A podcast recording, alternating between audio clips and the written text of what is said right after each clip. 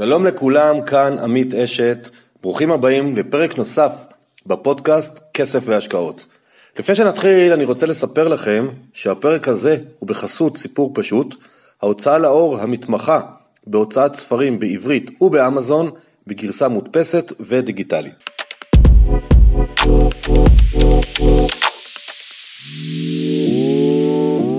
שלום לכולם, כאן עמית אשת. היום האורח שלי הוא משה דניאל. שלום משה. משה הוא משנה למנכ"ל קבוצת עוגן, הוא בעל תואר הנדסת תעשייה וניהול ומתמחה במערכות מידע, ותואר שני במשפטים. הוא בעל ניסיון בניהול השקעות בבנק שוויצרי והקמת פמילי אופיס בציריך. הוא הוביל הנפקת אג"ח ESG הגדולה ביותר עד היום בישראל. זאת אומרת, הוא מקיף הרבה דברים, אבל אנחנו נדבר היום בעיקר על עוגן ו-ESG. ואת האמת זה פרק אה, ראשון שלי על פילנטרופיה ובאמת הגיע הזמן שנדבר על זה ומה שנקרא גילוי נאות אה, שאני לפני כ-15 שנה יחד עם אח שלי תרמנו סכום אה, מאוד יפה להקמת קרן על שם ההורים שלנו בקרן להלוואות ללא ריבית כיום היא מקבוצת עוגן ולכן הנושא הזה קרוב לליבי כאחד שתורם גם כסף וגם זמן ואני ממש מקווה שאתם תהנו. לקראת הסוף הפרק אני אשלב שאלה שנשאלתי מה שהתחלנו בפרק 101 אפשרויות שלכם לשאול שאלות ואני מצרף תשובות. אה, באתר toinvest.co.il אתם יכולים למצוא איפה להשאיר את השאלה, יש שם כפתור כזה שמזמין אתכם ובתיאור הפרק יש לינק ולא להתבייש, זה אחלה. ועוד דבר אחד לפני שנתחיל אני רוצה לספר לכם שביום שלישי ה-27 לדצמבר בשעה חמש יתחיל כנס כסף והשקעות גדול מאוד בבאר שבע, זה יהיה הכנס הגדול ביותר אי פעם בדרום מהסוג הזה, אני החלטתי להרים אותו יחד עם רוסט קרפמן שהוא יועץ משכנתאות באר שבעי. אה, תירשמו בו, יש פרטים באתר או בקבוצת הפייסבוק של כסף והשקעות. אני מזכיר שהכנס בבית ציוני אמריקה שהיה בתחילת ספטמבר הוא היה sold out, אז כדאי להזדרז, שתספיקו להגיע וליהנות ויהיה אחלה שם. ונעבור לפרק. אז משה, עוגן היא גוף ללא כוונות רווח. אה, לכם יש שתי זרועות בגדול, אשראי חברתי וליווי ומנטורינג. כל מי שלא מכיר את העולם הזה, תיתן לנו בריף של כמה מילים, כי אחרי זה אנחנו נצלול לחלק מהדברים יותר לעומק, אבל בכלל, מי זה עוגן, מה זה הזרועות האלה וכולי. מצוין, אז קודם כל באמת אה, תודה שהזמנת אותי, אני מאוד מעריך את זה, וזו באמת הזדמנות לנו כעוגן להגיע למאות אלפי אנשים בישראל שישמעו גם הם על, אה, על עוגן. אז עוגן היא למעשה קבוצה פיננסית חברתית, שקיימת כבר 32 שנים, כמו שציינת, היא הוקמה כאגודה ישראלית להלוואות ללא ריבית, אבל ב-2019 היא למעשה שינתה את עצמה, את, את שמה, לעוגן, אה, ומאז היא מתרחבת אה, בהיקף חסר תקדים. התחום שבו אנחנו פועלים נקרא היום בריאות פיננסית. עכשיו זה תחום שהיה קיים הרבה שנים, אבל השם בריאות פיננסית זה למעשה שם שהושרש רק בשנים האחרונות, מה שהיה פעם Financial Inclusion, הכלה פיננסית בעברית, אה, הפך היום להיות אה, Financial Health, או בעברית בריאות פיננסית. ולמעשה מה שאנחנו מנסים לעשות זה לשפר את הבריאות הפיננסית של הלקוחות שלנו, שהם אה, משפחות ממעמד סוציו-אקונומי נמוך, עסקים קטנים, או שמא עליי לומר זעירים, כי אנחנו נותנים, אה, מתעסקים בלקוחות, אה, בעסקים עם מחזורים של עד 12 מיליון שקלים, כאשר 85% מהם הם מחזורים של עד 2 מיליון שקלים בלבד, ועמותות או מלכ"רים, מוסדות ללא כוונות רווח. ואנחנו מנסים לשפר את הבריאות הפיננסית שלהם באמצעות אותם שני כלים שציינת קודם, שזה אשראי חברתי, וליווי ומנטורינג. אשראי חברתי זה גם מושג שצריך טיפה להסביר אותו, מה, מה הקשר בין אשראי לבין חברתי, אז אה, אנחנו קוראים לזה אשראי חברתי כי האשראי שאנחנו מעניקים למשפחות הוא ללא ריבית, כלומר משפחה יכולה לגשת היום לאתר של עוגן ולהגיש בקשת הלוואה ויכולה לקבל הלוואה של עד 40 אלף שקלים וכמו שציינתי קודם זה ללא ריבית, כלומר הם מקבלים 40 אלף שקלים ומחזירים 40 אלף שקלים בפריסה לחמש שנים. אז זה אשראי חברתי וגם לעסקים ועמותות או מלכ"רים שהאשראי שם הוא כן אשראי עם ריבית, הריבית שם היא לא מציינת את הסיכון במתן ההלוואה היא נמוכה באופן משמעותי מהריביות שאותם גופים, אם הם כבר מצליחים לקבל אשראי במערכת הבנקאית, מקבלים, ו, ולכן אנחנו קוראים לזה אשראי חברתי. אז זה הזרוע הראשונה, והזרוע השנייה היא ליווי ומנטורינג. אנחנו אומרים שגם אם משפחה עכשיו באה וניגשה וקיבלה הלוואה, הלוואה מאיתנו 30-40 אלף שקלים, אז אולי פתרנו לה איזושהי מצוקה נקודתית. איזשהו מצב רפואי שהיה צריך עכשיו להוציא כסף ולא היה להם, או רצון להכשרה או לימודים, או לא משנה כרגע מה, מה המטרה, אבל זה לא באמת שינה את המצב הסוציו-אקונומי של המשפחה. ולכן אנחנו מאמינים שלצד האשראי החברתי חייבת לבוא זרוע של ליווי ומנטורים. כלומר, הכשרה והדרכה של אותה משפחה או אותו עסק קטן או אותו מלכ"ר, לאיך אפשר להתנהל טוב יותר מבחינה פיננסית. ושתי הזרועות האלה, אפשר לקרוא לזה חכים ודגות, אה, אה, חכות ודגים, סליחה, אה, הם כלים שלובים. שביחד מצליחים לעזור למשפחות לשפר את בריאותם הפיננסית. מעולה. אז אני לא יודע אם זה מידע שאתם חולקים אותו או לא, אבל אם כן, אז קצת לתת לאנשים תמונה מה המחזור הכספי או כמה עובדים אתם או אה, כשאני מדבר בתוך עוגן עצמה לא כמה אתם מפעילים כמה אתם מפעילים נדבר על זה יותר מאוחר אבל אתם כ- כגוף ועוד שאלה שלובה בזה יש לכם מה שאני ראיתי באתר גם עמותות שלכם וגם חברה לתועלת הציבור אני לא ממש מבין את ההבדל, אז אם זה משהו שהוא חשוב, אז אנחנו נשמח להבין גם. כן, אז אה, אני אתחיל אה, מהשאלה הראשונה ברשותך. אה, עוגן היא, כמו שאמרתי, חובה תהליך צמיחה מאוד מאוד משמעותי בשנים האחרונות, מאז למעשה הצטרפותו של שגיא בלשה כמנכ"ל הארגון, והחלטה אסטרטגית שקיבל הוועד המנהל של האגודה הישראלית ללא ריבית אז, היום עוגן הקרן להלוואות ללא ריבית, שבה בעצם עמדה בפניהם השאלה מה חברתי יותר, לעזור ולתת 60-70 אה, מיליון שקל בשנה ללא ריבית, או לתת 300 מיליון, חצי מיליארד, 2 מיליארד שקלים בהלוואות עם ריבית. מה יותר חברתי? מה עוזר יותר לחברה בישראל? והם קיבלו החלטה אסטרטגית שמוטב לעזור להרבה יותר אנשים, בפי הרבה, כן? בפי עשרות מונים, גם אם יש פה קצת ריבית, זה יותר חברתי ויותר יקדם את החברה בישראל. וזאת ההחלטה הבסיסית שב... בגינה או בעקבותיה למעשה עוגן חובת צמיחה וכמו שביקשת אני אפרט מספר מספרים שאולי אה, ייתנו את ההמחשה למה, כמה גדולה עוגן היום ולאן אנחנו מכוונים גם קדימה. אז אם היינו בשנת 2019 30 עובדים אז היום אנחנו 92 עובדים בשלוש וקצת שנים. אם היינו אה, עם תיק, אה, תיק אשראי של 150 מיליון אז היום אנחנו בחצי מיליארד, אם היקף האשראי שאנחנו נותנים בשנה היה 60 מיליון, אז השנה הזו אנחנו כנראה נסגור באזור ה-300, ואם היקף המוטבים שאנחנו נותנים להם אשראי הוא היה 2,000, 2,500, 2,300, אז היום היקף המוטבים, שזה לא רק באשראי אלא גם בליווי ומנטורים, כמו שאמרתי, הוא כבר uh, מתקרב ל-8,000, ככה ש... ההיקפים גדלו וההשפעה החברתית, האימפקט החברתי אה, גם כן, וזה למעשה מטרת, התכלית של הארגון כולו, ליצור אימפקט חברתי גדול ככל האפשר. לגבי השאלה השנייה שלך, לגבי זה שעוגן הפכה להיות מארגון אחד, שהיה עמותה, לקבוצה של ארגונים, שחלקם אה, מאוגדים כעמותה וחלקם כמל... כחלץ. אה, יש היום בישראל שני סוגים של ארגונים, היה, היה פעם קצת יותר, כי היה גם אגודות עות'מאניות וכאלה, אז, אה, ואגודות שיתופיות, אבל שתי צורות של התאגדות לארגונים ללא מטרות רווח, אחד זה עמותה רשומה, והשני זה, הגוף השני, הסוג הגוף השני זה חברה לתועלת הציבור. בגדול אין הרבה הבדלים בין הגופים, כי בשני המקרים לארגון אסור להוציא רווחים מתוך הארגון, ואם כבר יש רווחים אז הם חייבים לשמש להגדלת הפעילות ולא להוצאת כספים החוצה.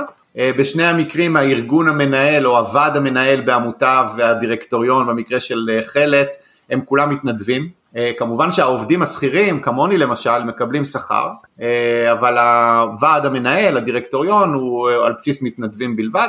יש קצת הבדלים גם בדוחות הכספיים, איך באופן שזה מוצג, אבל הבדלים מינוריים. וזה ככה לשאלה השנייה. מאחר שאני בחרתי להביא את הפרק איתך, כי אחת המטרות שלי, הסובייקטיביות, זה לעודד גם מאזינים ומאזינות להצטרף, עוד מעט נפרט קצת כסף או מנטורינג, אז השאלה ששאלתי עכשיו היא, מי שתורם כסף לעמותה, אז מדינת ישראל אה, יש הטבות מיסוי. בחברה לתועלת הציבור זה אותו דבר או ששם לא? זה, מפה באה בעצם השאלה שסקרנה אותי. כן, אז זה אותו דבר בדיוק. ההבדל, אה, התשובה לשאלה האם אה, התורם יקבל הטבה במס או לא, לא תלויה בסוג ההתאגדות, אלא תלויה בהאם להתאגדות יש סעיף 46. רק ארגונים שיש להם סעיף 46, הם למעשה קיבלו את אה, תו התקן של המדינה, אה, ככה שתרומה אליהם תזכה את התורם בהטבות מס. וגם חלץ וגם עמותה יכולים לקבל את הסעיף. עכשיו אני מבין. לכם, אני עוד לפני שאני נכנס לכל מיני תתי אה, זרועות שאתם מפעילים, אני רוצה לשאול עוד משהו במקרו, לכם יש אה, מודל חיתום שהוא שונה מהמערכת הבנקאית, כי איך אמרת מקודם, אנחנו החלטנו שאנחנו רוצים להיות אה, בריאות פיננסית, אנחנו רוצים לעזור, היום אנחנו כבר עוזרים לשמונת אלפים גופים, אז אתה יכול להסביר לנו בבקשה מה מודל החיתום שלכם? אז כן, כמו שאמרת, אה, הבנקים, לפני שהם מחליטים, אה, כשהם מחליטים האם לתת אשראי או לא לתת אשראי, הם למעשה פועלים על פי מנוע חיתום או המודל קבלת החלטות שרוב הבנקים פועלים על פיו, והוא למעשה מתבסס על שני פרמטרים עיקריים.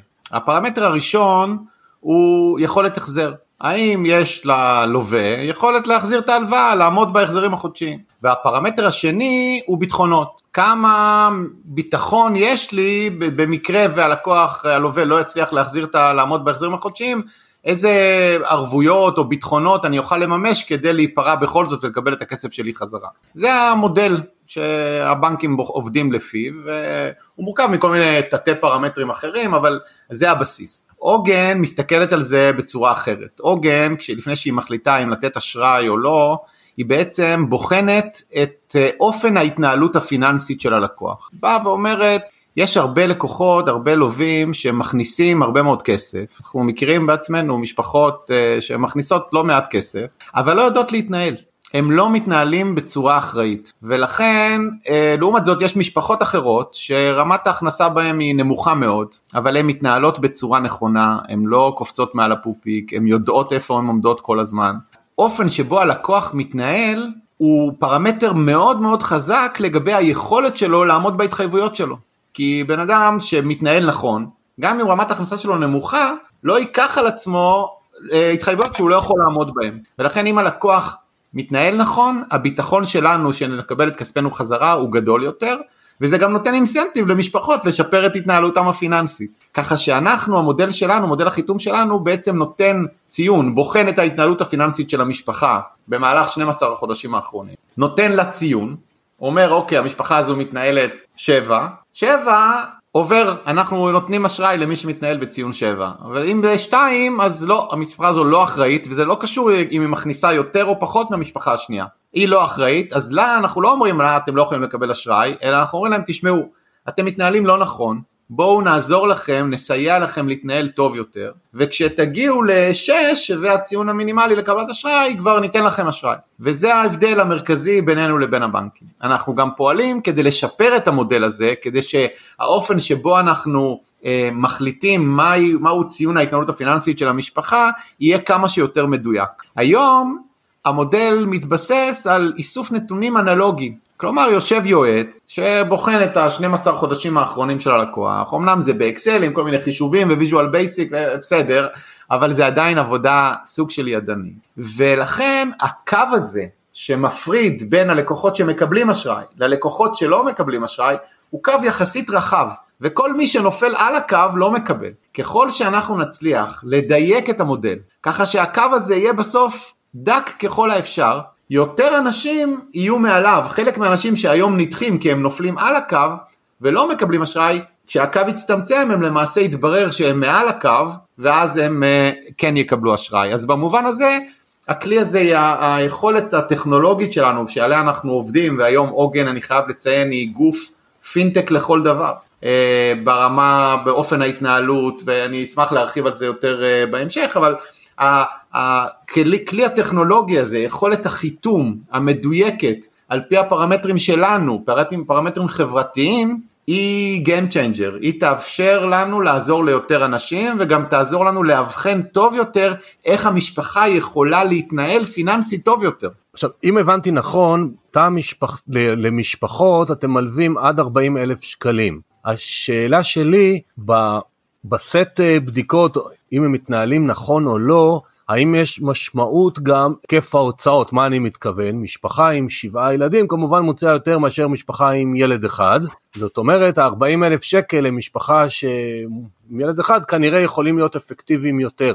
אני מנסה להבין, אה, ככה לידע כללי ולהשכלה ולהבנה, 40 אלף שקל מצד אחד זה הרבה מאוד, מצד שני למי שבבעיה עם משפחה גדולה, זה אולי יעזור לו לשלושה ארבעה חודשים, אני סתם זורק מספר, או חמישה חודשים, כמה מהר היועצים יכולים לעזור להם להשתפר בהתנהלות. זאת אומרת, זה, אני מנסה להבין איך, איך אתם חושבים. כן, זו שאלה מצוינת. תראה, אנחנו מודעים לזה, והסכומי הלוואות שעוגן נתנה, עוגן, כשהאגודה הישראלית להלוואות ללא ריבית קמה ב-1990, היא נתנה 500 דולר, אה, והיום זה 40 אלף שקל. אז כמובן שהמספרים מתעדכנים, ואנחנו כל פעם גדלים ומבינים גם שיש אינפלציה, אה, אז המספרים אה, מתעדכנים. אבל חשוב לציין בהקשר הזה שההלוואה שלנו לא נועדה להפוך את המשפחה להיות עשירה.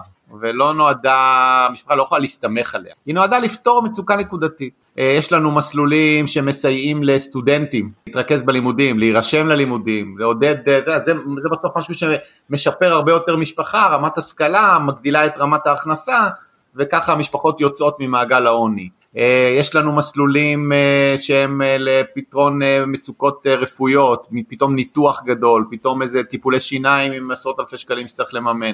כל מיני דברים כאלה, נועדו לעזור למשפחות לפתור מצוקות נקודתיות. זאת לא התרופה, זה פלסטר. התרופה האמיתית היא הליווי וה, והמנטורינג, ובאספקט הזה, בהקשר הזה, אנחנו א' לא לבד, אנחנו עושים שיתופי פעולה עם ארגונים אחרים, ב' אנחנו מתמקדים בתחום הליווי והמנטורינג בשתי קבוצות אוכלוסייה ספציפיות. האוכלוסייה הראשונה היא משפחות שאנחנו חושבים שאנחנו יכולים לעזור להם להגיע לדירה משלהם. יש הרבה, מצוקת הדיור בארץ ידועה, דובר עליה המון, אה, יש הרבה מאוד משפחות לא מצליחות לבד, הן יכולות, יכולות אה, עם קצת עזרה, להגיע לדירה משלהם ולהגיע לדירה משלך, משפחה שיש לה דירה משלה, זה משפחה שאפשר להגיד אה, יצאה מהרוביקון, הצליחה לבסס איזשהו בסיס איתן ראשוני זה רק אבן ראשה, זה עוד לא, זה עוד לא הכל, בדרך לצאת ממעגל העוני. ואנחנו מסייעים לסדר גודל של 700-800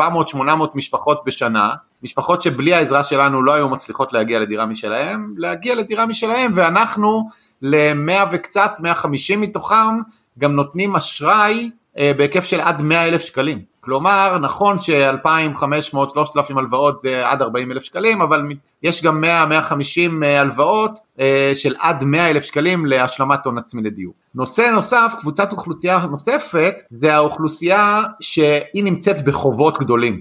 אנחנו קוראים לזה הסדרי חוב, זו אוכלוסייה שנדרשת להסדרי חוב. זה משפחות שהגיעו לחובות של 100 אה, אלף שקל, 80, 120, 150 אלף שקל, ואנחנו בסיוע גופים אחרים עוזרים להם לעשות קונסולידציה של החובות שלהם, עוזרים להם להגיע להסדרי חוב עם כל הנושים אחרי הורדת הסכומים, הנושים מוותרים על חלק מהחוב, ואנחנו בסוף נותנים להם הלוואה של עד 60 אלף שקלים, וזה שוב יוצא מה, מההלוואות הרגילות של 40, ואז פתאום מלהיות חייבים 120 אלף שקלים בריביות נשך, המשפחה פתאום חייבת 60 בפריסה לדי הרבה שנים, וההחזר החודשי הוא נמוך כי אין ריבית, ופתאום המשפחה אה, מצליחה לגמור את החודש וביחד עם הליווי שלנו ושל היועצים שלנו לגבי איך להתנהל נכון, איך לעקוב אחרי ההוצאות, אה, אנחנו מצליחים להבריא משפחות ולהצעיד אותם קדימה. אז זה נהדר, אז, אז כמה שאלות כמובן. בנושא הזה של, אה, של העזרה לדירה, זה מה שנקרא עוגן לבית? זה הזרוע הזאת שנקראת עוגן לבית? אמת. אוקיי, אז עד כמה, עד איזה סכום אמרת עד 100 אלף שקל, אבל לאיזה פריסה, וגם פה מה הקריטריונים מי כן מי לא. אני מקווה שהמאזינים והמאזינות שלנו עכשיו, מתחבר להם, נולד להם אה, עולם חדש שהם לא מכירים, שיכול לעזור לעוד אנשים, אז איזה קריטריונים, כמה זמן המאה אלף שקל החזר? לנו יש תהליך של, אה, שבו אנחנו בוחנים, אנחנו מקבלים הרבה מאוד פניות אה, של משפחות שרוצות אה, סיוע, ואנחנו מנסים לאתר את אותן משפחות, בלעדינו הם לא יוכלו, אבל שאיתנו הם כן יוכלו. כלומר, יש משפחות שפשוט רוצות לבוא ולקבל את אותם 100 אלף שקלים, כי אומרים וואלה, במקום... לקחת עוד 100 אלף שקלים במשכנתה, אני מקבל פה 100 אלף שקלים ללא ריבית, והנה זה עוזר לי, כולנו היינו רוצים עכשיו לקבל 100 אלף שקלים ללא ריבית. ואותם אנחנו אומרים להם, אנחנו, תסתדרו לבד. ויש משפחות אחרות שאנחנו יודעים שהם רחוקים אה, יותר מדי מלהגיע לדירה משלהם, גם אם זה דירות של עד אה, מיליון שש מאות, הרי הדירה המקסימלית שאנחנו מסייעים לרכוש היא מיליון שש מאות, זה לא, זה לא נועד כדי לרכוש אה, וילה בהרצליה פיתוח. אז אנחנו יודעים שגם לאותה דירה של עד מיליון שש מאות, מיליון חמש מאות, הם רחוקים מדי, אין להם מספיק הון עצמי, הם מתנהלים לא נכון, אין להם מקורות הכנסה, יכולת החזר נמוכה, אז אנחנו אומרים להם, זה מוקדם מדי, הנקודות שהם צריכים לשפר הם אלה ואלה, זה הכלים שלכם, צאו לדרך, תחזרו אלינו עוד חצי שנה, עוד שנה כששיפרתם חלק מהפרמטרים ואנחנו נעזור לכם לעבור את המיילים האחרונים בדרך למטרה. ונשארנו עם קבוצה, יכולה אבל צריכה דחיפה, צריכה איזשהו פוש, ואותה אוכלוסייה אנחנו מקבלים אלינו לתהליך, ו... מתוך אמרתי 700-800 אה, משפחות שעוברות את התהליך הזה, אה, היום אה, בערך 150 מתוכם גם מקבלים הלוואה בהיקף של עד 100 אלף שקלים ללא ריבית ואנחנו מנסים לבחור את אותן משפחות שאנחנו חושבים שזה הכי יעזור להם. והפריסה היא פריסה ארוכה לעשר שנים ככה שההחזר החודשי הוא נמוך ובאמת המטרה היא פה לעזור לאותה משפחה להגיע לדירה משלה. אני רוצה לציין בהקשר הזה שהיקף הפעילות של עוגן הולך ומתרחב ובקצב אה, מדהים. אנחנו רק עכשיו אה, זכינו ממש אה, שבוע שעבר קול קורא של משרד הקליטה שבעצם יאפשר לנו לעזור לאלפיים משפחות שהיום גרות במרכזים לעולים מאתיופיה, מרכזי קליטה, לעזור להם להגיע לדירה משלהם, המדינה נרתמה פה ואנחנו נרתמנו פה ולמעשה אנחנו נסייע לאלפיים משפחות בשלוש שנים זה למעשה כמעט מכפיל את קצב העבודה של, אה, של עוגן לבית. תוסיף לזה הסכמים נוספים שבמסגרתם אנחנו לא נעשה רק ליוויים אישיים למשפחות אלא גם נעשה סדנאות כלומר היועצים שלנו יוכלו לעזור ליותר משפחות אה, גם אם זה לא עזרה אישית אחד על אחד אולי חלק מה... יהיה גם מפגש אישי אחד שהוא יעזור בניתוח המצב אבל הידע והמומחיות יעברו למשפחות בצורה של סדנאות וככה נוכל להגדיל את האימפקט באופן משמעותי, משמעותי ולעזור לאלפי משפחות בשנה וזה התרומה שלנו תרומה צנועה אמנם, יש עוד הרבה עבודה לעשות, אבל לפתור את אה, מצוקת הדיור בישראל. אז אה, ממש ממש כיף לשמוע, אז עולה השאלה כל הזמן שהתאפקתי עד עכשיו אה, לא לשאול, גם למשפחות וגם לדירה ולעסקים, מה מקורות התקציב, בעצם מאיפה יש כסף. יפה, אז זה שאלת מיליון הדולר מה שנקרא. אז, אה, אז תראה, אנחנו למעשה נמצאים בעיצומה של מהפכה, לא פחות. בסוף, בסוף המהפכה הזו, הפתרון של בעיות חברתיות לא יהיה תלוי רק בנדיבותם של פילנטרופים. יש היום עוד ועוד שיטות כגון השקעות אימפקט ו-ESG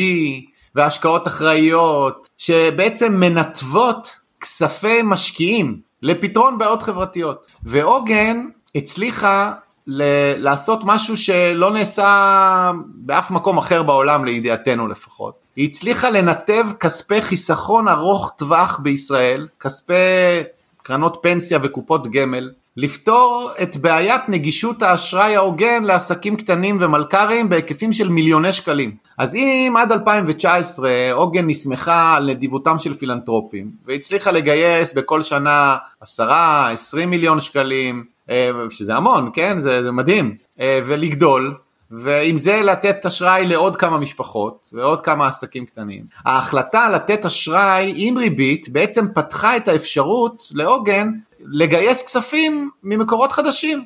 אז היום יש לעוגן מגוון מקורות אשראי, מגוון מקורות הון רחב, שהוא מתבסס קודם כל על הון העצמי שמקורו בפילנטרופיה, 350 מיליון שקלים של פילנטרופיה שגויסו לאורך השנים, שהם הון עצמי שלנו, כסף שנתרם לנו ואיתו אנחנו עוזרים, ועליו מוסיפים פקדונות אימפקט, שזה לצורך העניין אה, בא אה, קרן פילנטרופית או איש עשיר שבא ואומר אוקיי אני לא רוצה לתרום לכם את הכסף, אני רוצה שהכסף יחזור אליי, אבל אני מוכן להשכיב אצלכם את הכסף לחמש שנים תמורת תשואה של אחוז אחד, וחלקם הגדול גם תורם לנו את התשואה בחזרה, הם יודעים שהם מוגנים על ידי ההון העצמי שלנו, וזה הון עצמי משמעותי, והצלחנו לגייס ככה כ-45 מיליון שקלים מ-17 פקדונות, 17 גופים שנתנו לנו פיקדון ביניהם אה, גוגל והמייסד של וואטסאפ ועוד כל מיני אנשים שפשוט באו והשכיבו אצלנו מיליון דולר ואמרו תחזירו לנו את זה עוד חמש שנים,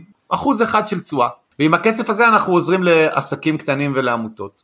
ויש אה, מקור נוסף וזה אשראי בנקאי. בדומה לחברות אשראי חוץ בנקאיות אחרות, גם עוגן מקבלת אשראי מהבנקים. שנשאלת השאלה פה, הבנקים הרי יכולים לתת באשראי, בעצמם אשראי לעסקים הקטנים ולעמותות. אז למה להם לתת לנו אשראי כדי שאנחנו ניתן לעסקים הקטנים והעמותות? ופה בעצם אה, יש פה תעודת אמון ביכולות החיתום של עוגן. הרי אני מזכיר חלק גדול מהעסקים הקטנים והמלכ"רים שעוגן נותנת להם אשראי, זה עסקים שנכון ליום בקשת האשראי מעוגן לא מצליחים לגייס עוד אשראי מהבנקים ומהחברות אשראי החוץ בנקאיות ובכל זאת עוגן נותנת להם אשראי ומצליחה לתת להם אשראי עם אחוזי כשל אשראי נמוכים כשל השיעור כשל האשראי בבנקים. ככה שיש פה יכולות חיתום יוצאות דופן של עוגן ויכולות תפעול וגבייה גם כן מרשימות ותעודת אמון של הבנקים בישראל שמסכימים להלוות לנו בריביות יחסית נמוכות למרות שהם יודעים שבכסף הזה אנחנו נותנים הלוואות למוטבים שהם בעצמם לא מוכנים לתת להם אשראי.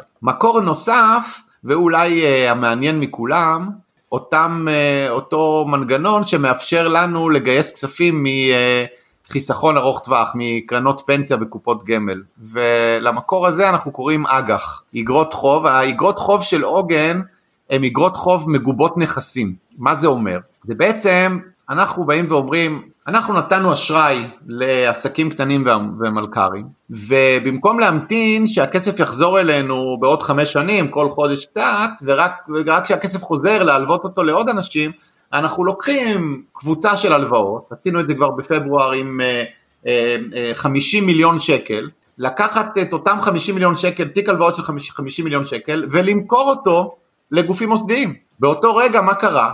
50 מיליון שקלים במזומן הגיעו לעוגן, שאיתם עוגן יכולה להמשיך ולתת אשראי לעסקים קטנים ועמותות, בעוד שהקרנות פנסיה וקופות גמל שהשקיעו בנו נפרעים כל חודש מההחזרים מאותם תיקים. והם מקבלים תשואה על הכסף שלהם כי עוגן משכיבה שם הון עצמי שמגן עליהם מפני דיפולט. ככה שיוצא מצב שנוצר מצב שבו כספי חיסכון ארוך טווח שלי ושלך שאנחנו מפרישים כל חודש לפנסיה מושקעים במקום בדלק אנרגיה הם מושקעים בסיוע לפתרון בעיה חברתית שבמקרה הזה הוא נגישות לאשראי הוגן לעסקים קטנים ועמותות. וזה יוצא מן הכלל. אנחנו הצלחנו לשבור, אה, לעשות משהו שלא נעשה בעבר אה, באף מקום, אה, ואנחנו לקראת השלמה של איגרת חוב נוספת עוד השנה, אולי זה יהיה בסוף בינואר, אבל אנחנו נלחמים שזה יהיה עוד השנה, בהיקף של 150 מיליון שקלים. ככה שתוך 12 חודשים עוגן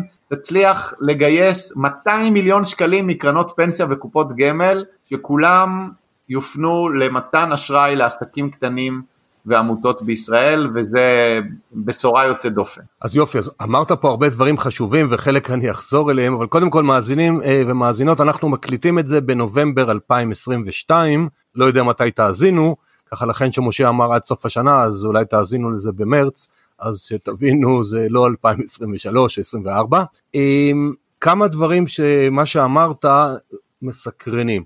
למשל שהחיסכון ארוך הטווח הפנסיוני קונה את האג"ח, אז זה כמו המודל המשכנתאות האמריקאי, זה בסדר, אבל התשואה במרכאות שאתם יכולים להציע להם היא נמוכה, כי אתם מלווים ללא ריבית. אז בעצם האם לוקחים את כספי הפנסיה שלנו ומחליטים שאחוז מסוים הם מלווים את זה כסיוע חברתי אבל לא בשביל להרוויח כסף כאילו לא, לא לייצר לא, לא, תשואה לחוסך. אז אני רוצה לחדד שלעסקים קטנים ועמותות אנחנו נותנים אשראי עם ריבית אמרתי שפעילות האשראי למשפחות היא אשראי ללא ריבית מקבלים 40 ומחזירים 40 בעוד שהאשראי שניתן לעסקים קטנים ועמותות הוא אשראי שניתן עם ריבית חברתית ריבית שלא מייצגת את הסיכון המשוקף בתיק ולא והיא נמוכה בשלושה ארבעה אחוזים מהריבית שאלו שכן מצליחים לקבל מקבלים מהבנקים ונמוכה בשיעור גבוה יותר מאשר הריביות המוצעות על ידי גופים, גופי אשראי חוץ בנקאיים, וצריך לזכור שחלק לא קטן מאותם לווים בכלל לא הם מסורבי אשראי, ככה שהריבית שאנחנו נותנים להם היא מאוד מאוד חברתית. ולכן אם אתה, אנחנו חוזרים לנקודה הזו שבעצם האשראי שניתן לעסקים הוא אשראי עם ריבית, בעצם אתה בא ואומר איך יכול להיות שהתשואה על האג"ח שלנו תשקף מחיר שוק למחזיקי האג"ח אם הריביות שלנו ללווים הן חברתיות? זאת השאלה? אז אם זאת השאלה, כן. התשובה היא מאוד פשוטה, והיא אה, בעצם אה, כרוכה או היא מקורה בעובדה שעוגן שמה הון עצמי משמעותי באיגרת החוב. כשאתה בתור אה, משקיע בניירות ערך אה, רוכש איגרת חוב של אה, בנק אה, כלשהו בישראל או בחו"ל, לא משנה, איגרת חוב כלשהי. אז כתוב שם באיגרת מהי הריבית, מהו הקופון שמשלם את האיגרת, מהי הריבית למעשה, הרי כשאתה קונה איגרת חוב אתה נותן הלוואה למנפיק האיגרת חוב, זה אותו דבר. הריבית שם זה בעצם הקופון, ובעצם יכולת של אותה חברה לפרוע, לשלם את הקופונים או לשלם את הריבית, תלויה בפעילות העסקית של אותה עמותה. של אותה חברה שהנפיקה את האג"ח. במקרה שלנו יש תיק נכסים קיים. עכשיו, מכיוון באג"ח הראשונה 15 אחוזים ובאג"ח השנייה כבר 17 וחצי אחוזים, מהיקף, ה... מהיקף האשראי המגויס הוא למעשה הון עצמי שלנו, למעשה, ועליו אין ריבית, זה הון עצמי שאנחנו רק משכיבים שהוא מגן על המחזיקי אג"ח במקרה של דיפולט, שאגב שיעור הדיפולט בעוגן היום הוא סביב האחוז, ואנחנו שמים 17.5 אחוז של הון עצמי, ככה שהמשקיעים מאוד מוגנים. אה, ותכף נדבר קצת על אה, מבנה האג"ח שמייצר אה, שכבות הגנה נוספות. אותו הון עצמי גם מייצר כאילו מינוף, הוא בעצם מייצר מינוף של הקופון שמקבלים מחזיקי אג"ח ככה שאנחנו מצליחים לתת לאותם גופים תשואה שהיא מעל השוק. והיום בהנפקת אג"ח השנייה שלנו, שכאמור מובלת על ידינו ברגעים אלו בנובמבר 2022 בסיוע אגב של רוסריו קפיטל שעושים את זה בהתנדבות, כאן המקום גם לברך אותם על כך, הם עשו עבורנו ניתוח שבעצם משווה את התשואה שמחזיקי האג"ח בעוגן מקבלים אל מול התשואה הניתנת בשוק. עכשיו אני חייב לציין פה כדי להסביר את זה קצת יותר טוב, אתה כאיש השקעות בניירות ערך תבין אותי, אני מקווה שגם המאזין הממוצע זה לא כזה מסובך, אבל בגדול האיגרת חוב מחולקת לשכבות, יש שכבת חוב בכיר ושכבת חוב רגיל, ושכבת החוב הרגיל מוגנת על ידי ההון העצמי, ושכבת החוב הבכיר מוגנת גם על ידי שכבת ההון העצמי וגם על ידי שכבת החוב הרגיל, כלומר רק אם יהיה דיפולט של 40 ומשהו אחוז, כלומר כל שכבת החוב הרגיל תישחק, וההון העצמי כמובן, רק אז מחזיקי החוב הבכיר יספגו כשל אשראי, הפסדים. לכן הצלחנו להגיע למצב שבו קיבלנו כבר אינדיקציה ממדרוג על דירוג של דאבל A3, שזה אומר שהאיגרת חוב הבחירה שלנו היא מדורגת בדירוג גבוה. מה זה אומר? שניתן להשוות, לגשת לשוק, לראות את אגרות החוב בדירוג AA3 שיש היום, שנסחרות היום בשוק, לראות מה התשואה הממוצעת שהן נותנות, להשוות את זה לתשואה של עוגן ולראות שהתשואה בעוגן גבוהה יותר, מה שבעצם מאפשר לנו לשכנע ביתר קלות את קרנות הפנסיה וקופות הגמל שכמו שציינת המחוי... הנאמנות שלהם, המחויבות הראשונה שלהם היא כלפי ה... כלפי בעלי הקרן, כלומר כלפי, המפקידים, אלה שמנהלים את כספם. ככה שהם מצד אחד מצליחים להביא לאותם אה, מפקידים תשואה שהיא גבוהה ממחיר השוק, ומן הצד השני הם גם אומרים להם, תקשיבו, הכסף שלכם לא רק עושה יותר תשואה, הוא גם עושה טוב. אז זה נשמע טוב, אבל רק עוד שאלה אחרונה על האג"ח לפני שנתקדם, האם כל מאזין ומאזינה יכולים לקנות או שזה רק למשקיעים כשירים? יפה, נקודה מאוד מאוד חשובה. היום אה, האיגרת חוב שלנו, אנחנו לא הוצאנו תשקיף, כלומר היא לא נסחרת אה, בבורסה, ולכן אה, גברת כהן מחדרה, איך שנהוג לומר, לא יכולה לרכוש אותה. היא כן, ירכש, היא כן נסחרת, שתי השכבות אגב, נסחרות, אה, ייסחרו ברצף המוסדי מיד עם הנפקתם, ככה שרק גופים אה, אה, מוסדיים ומשקיעים כשירים יכולים לרכוש אותם. אנחנו מאוד מקווים שבאותה, במסגרת אותה אבולוציה שתיארתי בעוגן, שהתחילה מהסתמכות על כספי פילנטרופיה, ועברה לפקדונות, ואחרי זה לאשראי בנקאי, ואחרי זה להנפקות אג"ח, מגובה נכסים, אנחנו מאמינים שהשלב הבא באבולוציה הזו היא להנפיק אגרות חוב קונצרניות שיסחרו בבורסה וכל אחד מאיתנו יוכל להתקשר למנהל ההשקעות שלו ולהגיד לו אה, אני רוצה שחלק מתיק ההשקעות שלי יהיה גם אג"ח של עוגן, לא, כי, לא רק כי אני רוצה לסייע לאוכלוסייה בישראל, אלא גם כי אני רוצה תשואה טובה. למדנו משהו בגדול, אבל אנחנו לא יכולים כל רגע להשקיע בו, אז אני רוצה לחזור רגע למשהו שאולי מאזינים כן יוכלו להיעזר בו מחר בבוקר, קרן שמש, אני עכשיו רוצה לעבור רגע לעסקים קטנים, ליווי ומנטורינג, אתם, אה, אני עוד פעם מכיר קרן, אה, אני אישית לא התנדבתי בה, אבל אני מכיר כמה חברים שהיו מנטורים שם. בוא תספר בבקשה למאזינים שלנו מה קרן שמש, מה היא עושה, מי המנטורים ואיזה סוג אה, לקוחות אתם מחפשים שאפשר לפנות או כמנטור או כלווה. תראה, קרן שמש היא ארגון שקם לפני כ-17 שנים. הקים אותו אה, מיסודה של ה foundation אה, אה, של אדמונד דה ספרא. למעשה היא עברה גם כן כמה גלגולים, היא השתלבה בתוך קבוצת עוגן אה, בסוף 2019, אה, ולמעשה המטרה המרכזית שלה זה לסייע ליזמים, לעסקים קטנים בישראל להתנהל טוב יותר. אגב, לאו דווקא רק בצד הפיננסי, פשוט סיוע, ליווי ומנטורינג למנכ"ל, למנכ"ל הארגון, להתנהל טוב יותר. איך אה, גם איך לעשות שיווק ואיך אה, איך לנהל את העובדים שלו. המנכ"ל הרי דמות אה, שהיא בפסגה, היא מאוד בודדת, יש, אתה לא יכול לדבר עם כולם על הכל, אתה, אתה, זה, זה, זה תפקיד מאתגר. בניגוד לחברות שנסחרות בבורסה, חברות גדולות, שיש לה מנכ"ל דירקטוריון, שהוא יכול להתייעץ איתו, ואתה יודע, יש עוד מישהו מעל המנכ"ל, כשאתה פותח פיצריה, אין לך דירקטוריון להתייעץ איתו, אין לך ועדה מייעצת, בסדר? אז, אה, אז זה קשה. ו... ופה נכנסת לתמונה קרן שמש, היא באה ואומרת, אנחנו נפעיל מערך של אה, מתנדבים, והיום יש כ-1,300 מתנדבים. ואני מדבר על אנשים רציניים, על יזמים מצליחים, על מנהלים בחברות גדולות שבוחרים להשקיע כמה שעות בשבוע, בחודש, ולסייע לעסק להתנהל טוב יותר, לסייע למנכ"ל להיות מנכ"ל. וזה פשוט מדהים, אתה יודע, כמות הפידבקים החיוביים, יש סיפורים שפשוט אתה כאילו, אתה מתרגש לשמוע אותם.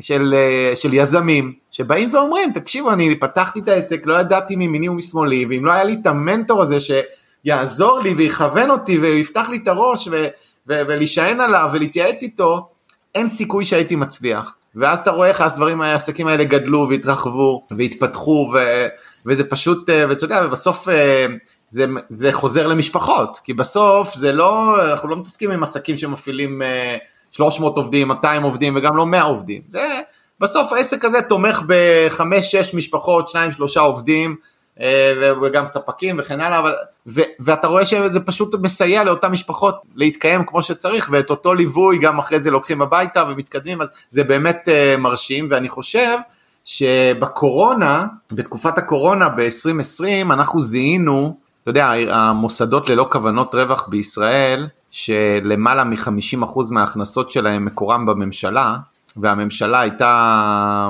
במצוקה, ועוד בערך, אה, אני יודע, 20% מההכנסות שלהם זה הכנסות עצמאיות, והמדינה הייתה סגורה, הכל היה בסגרים וכן הלאה, ופתאום אתה, תחשוב, אתה עסק, 50% מהתקציב לא מגיע כי המדינה לא מעבירה, עוד 20% אתה לא יכול כי אין קונים, זה אומר ש-70% מההכנסות שלך ירדו, ואתה יש לך הוצאות, שכר, מה אתה עושה?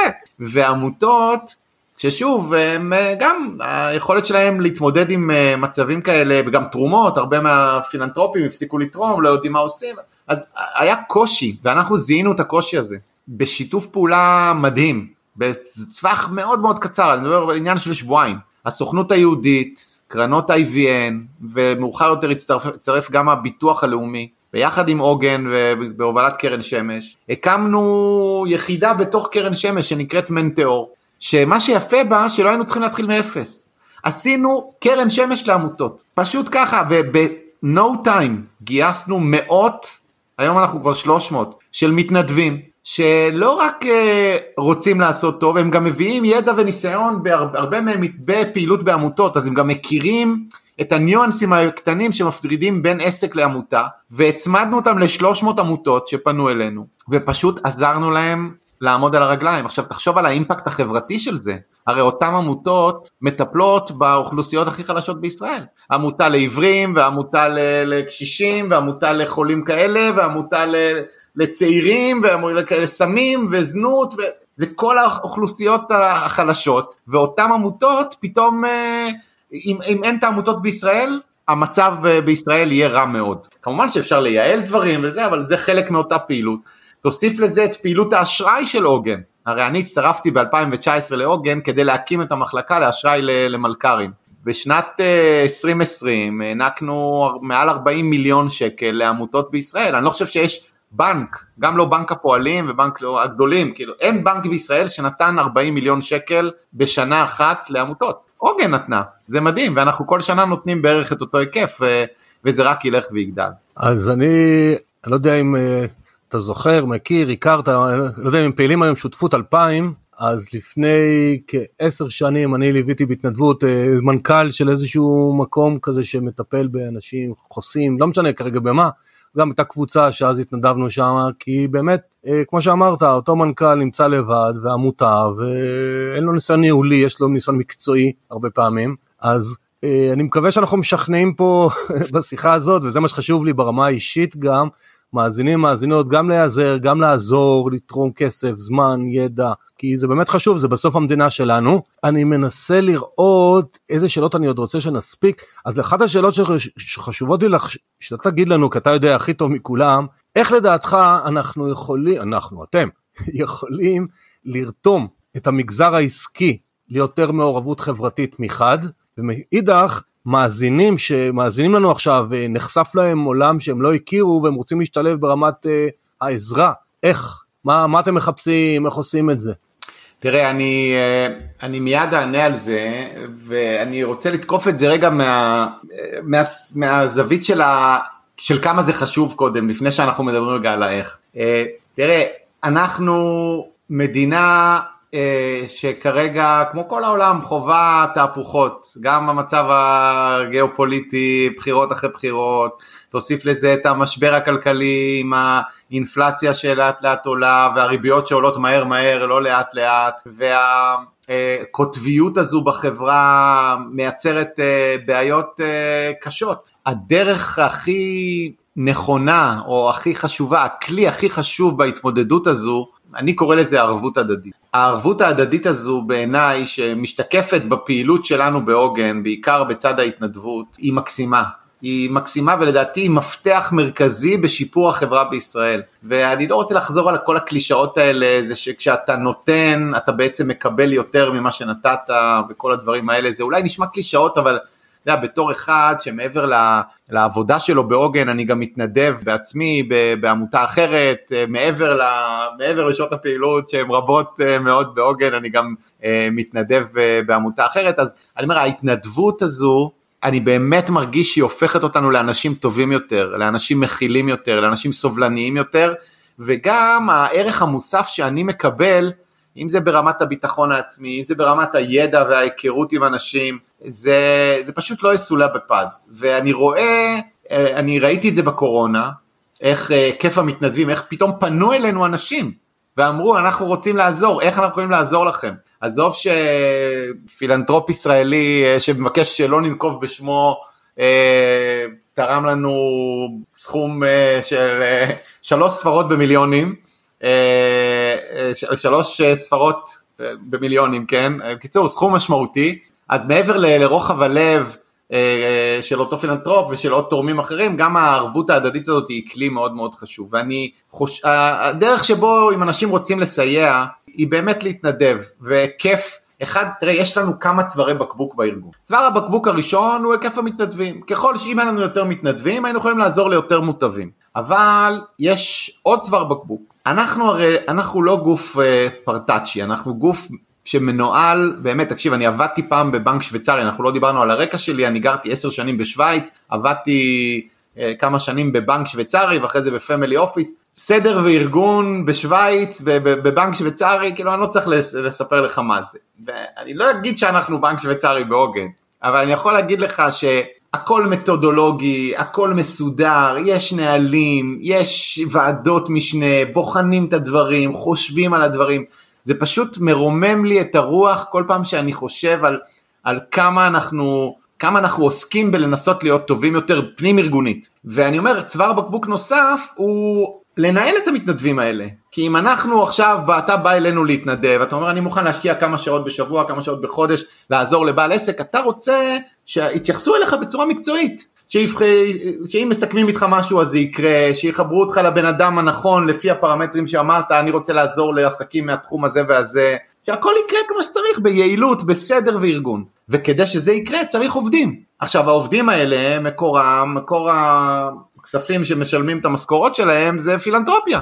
אז בעצם צוואר הבקבוק הנוסף הוא כספים פילנטרופיים. ככה שאנחנו פועלים בשתי גזרות. הגזרה הראשונה היא לגייס כמה שיותר מתנדבים כי זה יעזור לנו. אחרי זה אנחנו פועלים בגיוס כספים. עכשיו אנחנו יודעים שאנחנו נגיע לאותו צוואר בקבוק שידענו בהלוואות. אנחנו לא נוכל להמשיך ולחיות על כספים פילנטרופיים לעד. אנחנו צריכים לייצר לנו הכנסות עצמאיות שיעזרו בצמיחה ארגונית ומתן ההלוואות עם ריבית מאפשר לנו את זה. כי חלק מהכספים, חלק מה, מהריביות שאנחנו גובים עבור ההלוואות מאותם עסקים מסייע לנו לממן את הוצאות התפעול של פעילות ההתנדבות. בנוסף לזה, אנחנו משקיעים כספים משמעותיים בטכנולוגיה. תחשוב שאם היום יועץ כלכלי צריך לתת ייעוץ למשפחה או לעסק קטן, אז זה לא סתם, הוא צריך לנתח נתונים, הוא צריך לראות את הדוחות הכספיים ואת התנועות בנק ואת ההלוואות ואת האובליגו הקיים, וזה זה, זה עבודה, וזה לוקח זמן, עכשיו אתה רק מתנדב כמה שעות בשבוע, כמה שעות בחודש, זה, זה מוגבל.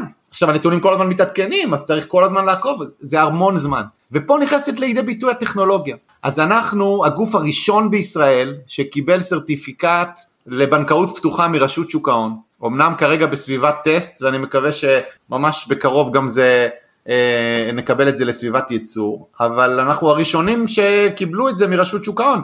קיבלו אומנם שלושה גופים מרשות ניירות ערך, אבל כגוף שמחזיק ברישיון נותן אשראי מורחב, שזה הרישיון הכי מורחב שיש, הכי רחב שיש בישראל לנותן אשראי, אנחנו מפוקחים על ידי רשות שוק ההון, וזה הגוף שנתן לנו את הרישיון לבנקאות פתוחה, כאמור לסביבת טסט, וזה בעצם מאפשר לנו, כשאתה בא לבקש ממני הלוואה, שאתה תיתן לי הרשאה לקבל ישירות את המידע לגביך מכל הבנקים וכל חברות כרטיסי האשראי שלך. תוסיף לזה את הטכנולוגיה שפיתחנו בהתחברות למאגר נתוני אשראי של בנק ישראל, שהיום אני יכול בלחיצת כפתור עם הסכמה שלך לקבל את כל המידע ממאגר נתוני אשראי על בנק ישראל, ככה שבסוף ליועץ או לחתם במקרה של הלוואה יש כלים שמנתחים לו גם את המידע הזה ומזקקים לו אותו ככה שהייעוץ יהיה כמה שיותר מקצועי וכמה שיותר יעיל.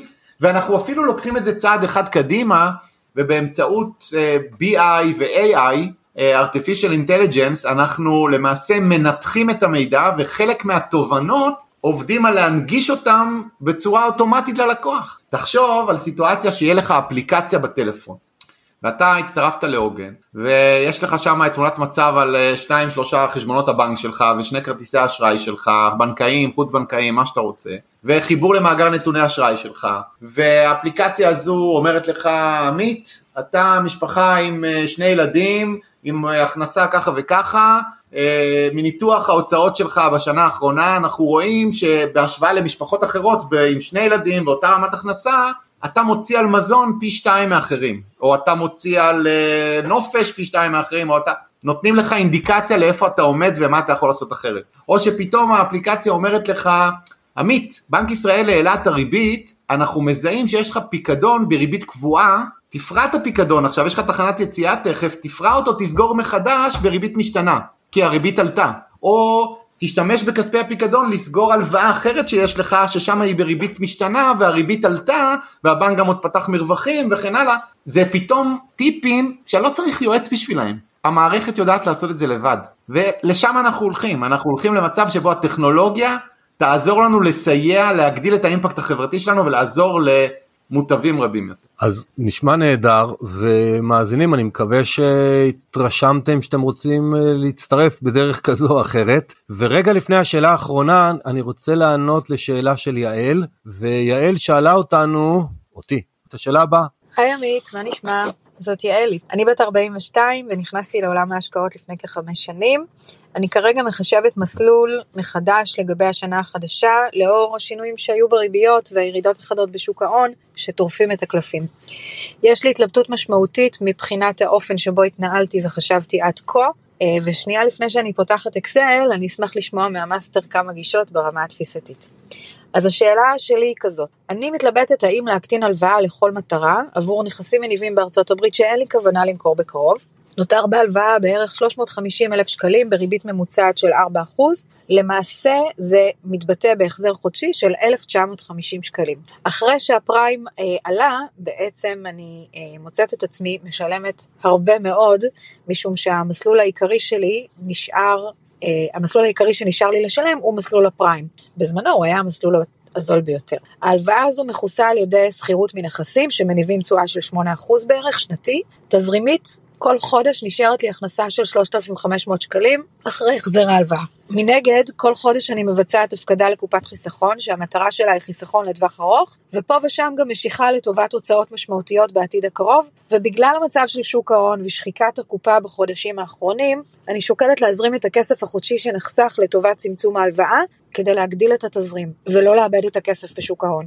אני מתלבטת האם אפקט הריבית דריבית אה, עדיין בעל כוח כל כך חזק במצב שבו השוק יורד לאורך זמן רב ולא בטור, לא ברור מתי הוא יעלה, כשבמילא החיסכון הוא חיסכון לטווח ארוך. אז אה, מבחינת המטרות, מטרת ההשקעות שלי באופן כללי, כדי לתת אה, תמונת רקע לכל השאלה, כרגע היעד שלי הוא הכנסה פסיבית של 20 אלף שקלים בחודש, ואני שואלת את עצמי, האם הצעד הזה באמת יקדם את המטרה שלי? תודה רבה. היי יעל, תודה רבה על השאלה. אז אני רוצה להתחיל בתשובה, קודם כל להזכיר שאין נכון או לא נכון, יש מה מתאים לי, כלומר, אה, מאזינים יקרים בכלל, לא רק יעל, יכול להיות שהתשובה שאני אתן לא תיראה לכם, וזה בסדר גמור, כי יש דעות מקצועיות. אז אני מחלק את השאלה שלך לכמה חלקים. נתחיל בזה שאת רוצה לבנות תיק להכנסות פסיביות, כלומר, את רוצה בגדול להגדיל את ההון שלך. אז נכון שכרגע הריביות מציקות, והתזרים שלך אמרת איזשהו סכום מסוים, אה, ופחות ממה שהיה בעבר, בגלל שהריביות עלו, אבל אם תזרימית את לא לחוצה על הכסף, לא הייתי ממהר להחזיר, מאחר שזה בעצם בונה לך עוד הון, דרך זה שאת ממשיכה להפקיד לחיסכון ארוך הטווח. זה ששוק ההון יורד ויורד ויורד, זה בהחלט לא חוויה ולא כיף גדול, אבל אם את כל חודש עושה הוראת קבע, את בעצם קונה במחיר ממוצע של התקופה, ובמחיר ממוצע של התקופה את קונה ביקר, את קונה בזול. עם השנים, המחיר הממוצע, הוא יעזור לך כשיבואו עליות. עכשיו, אם בנקודת הנחה שאת מאמינה ששוק ההון יתקן את עצמו מתישהו, חצי שנה, חודש, שנתיים, ויש לך את האורך רוח, לא הייתי מוטרד אה, מהירידות. להפך, כל קנייה שאת עושה היום במחיר יותר זול מבעבר, שאולי עוד ירד, ועוד יותר זול ועוד יותר זול, את רוכשת אותה סחורה יותר בזול, וכשהסחורה הזאת תתייקר, את תגדילי את ההון שלך ותתקרבי עוד יותר ליעד שלך של הגדלת ההון במטרה לייצר ממנו הכנסות פסיביות. במקרה הספציפי שלך, עוד פעם, אם התזרים שקטן היום בגלל שהריבית פריים התייקרה, אה, לא מציק לך מבחינת המחיה השוטפת, לא הייתי ממהר להחזיר, אה, הייתי ממשיך להגדיל את ההון אה, דרך שוק ההון בראייה לטווח ארוך, ואת הצגת שאת מסתכלת לטווח הארוך. אז שיהיה המון המון בהצלחה. ומשה, אני מבקש מכל מרואיין בסוף כל פרק אה, לתת לנו שלושה טיפים לסיום, שלושה טיפים פרקטיים לחיים. יכול להיות לאסוף משהו ממה שדיברת, כי נתת פה גם כל מיני תובנות שלך לאנשים. יכול להיות שלא דיברנו ואתה מאמין בהם.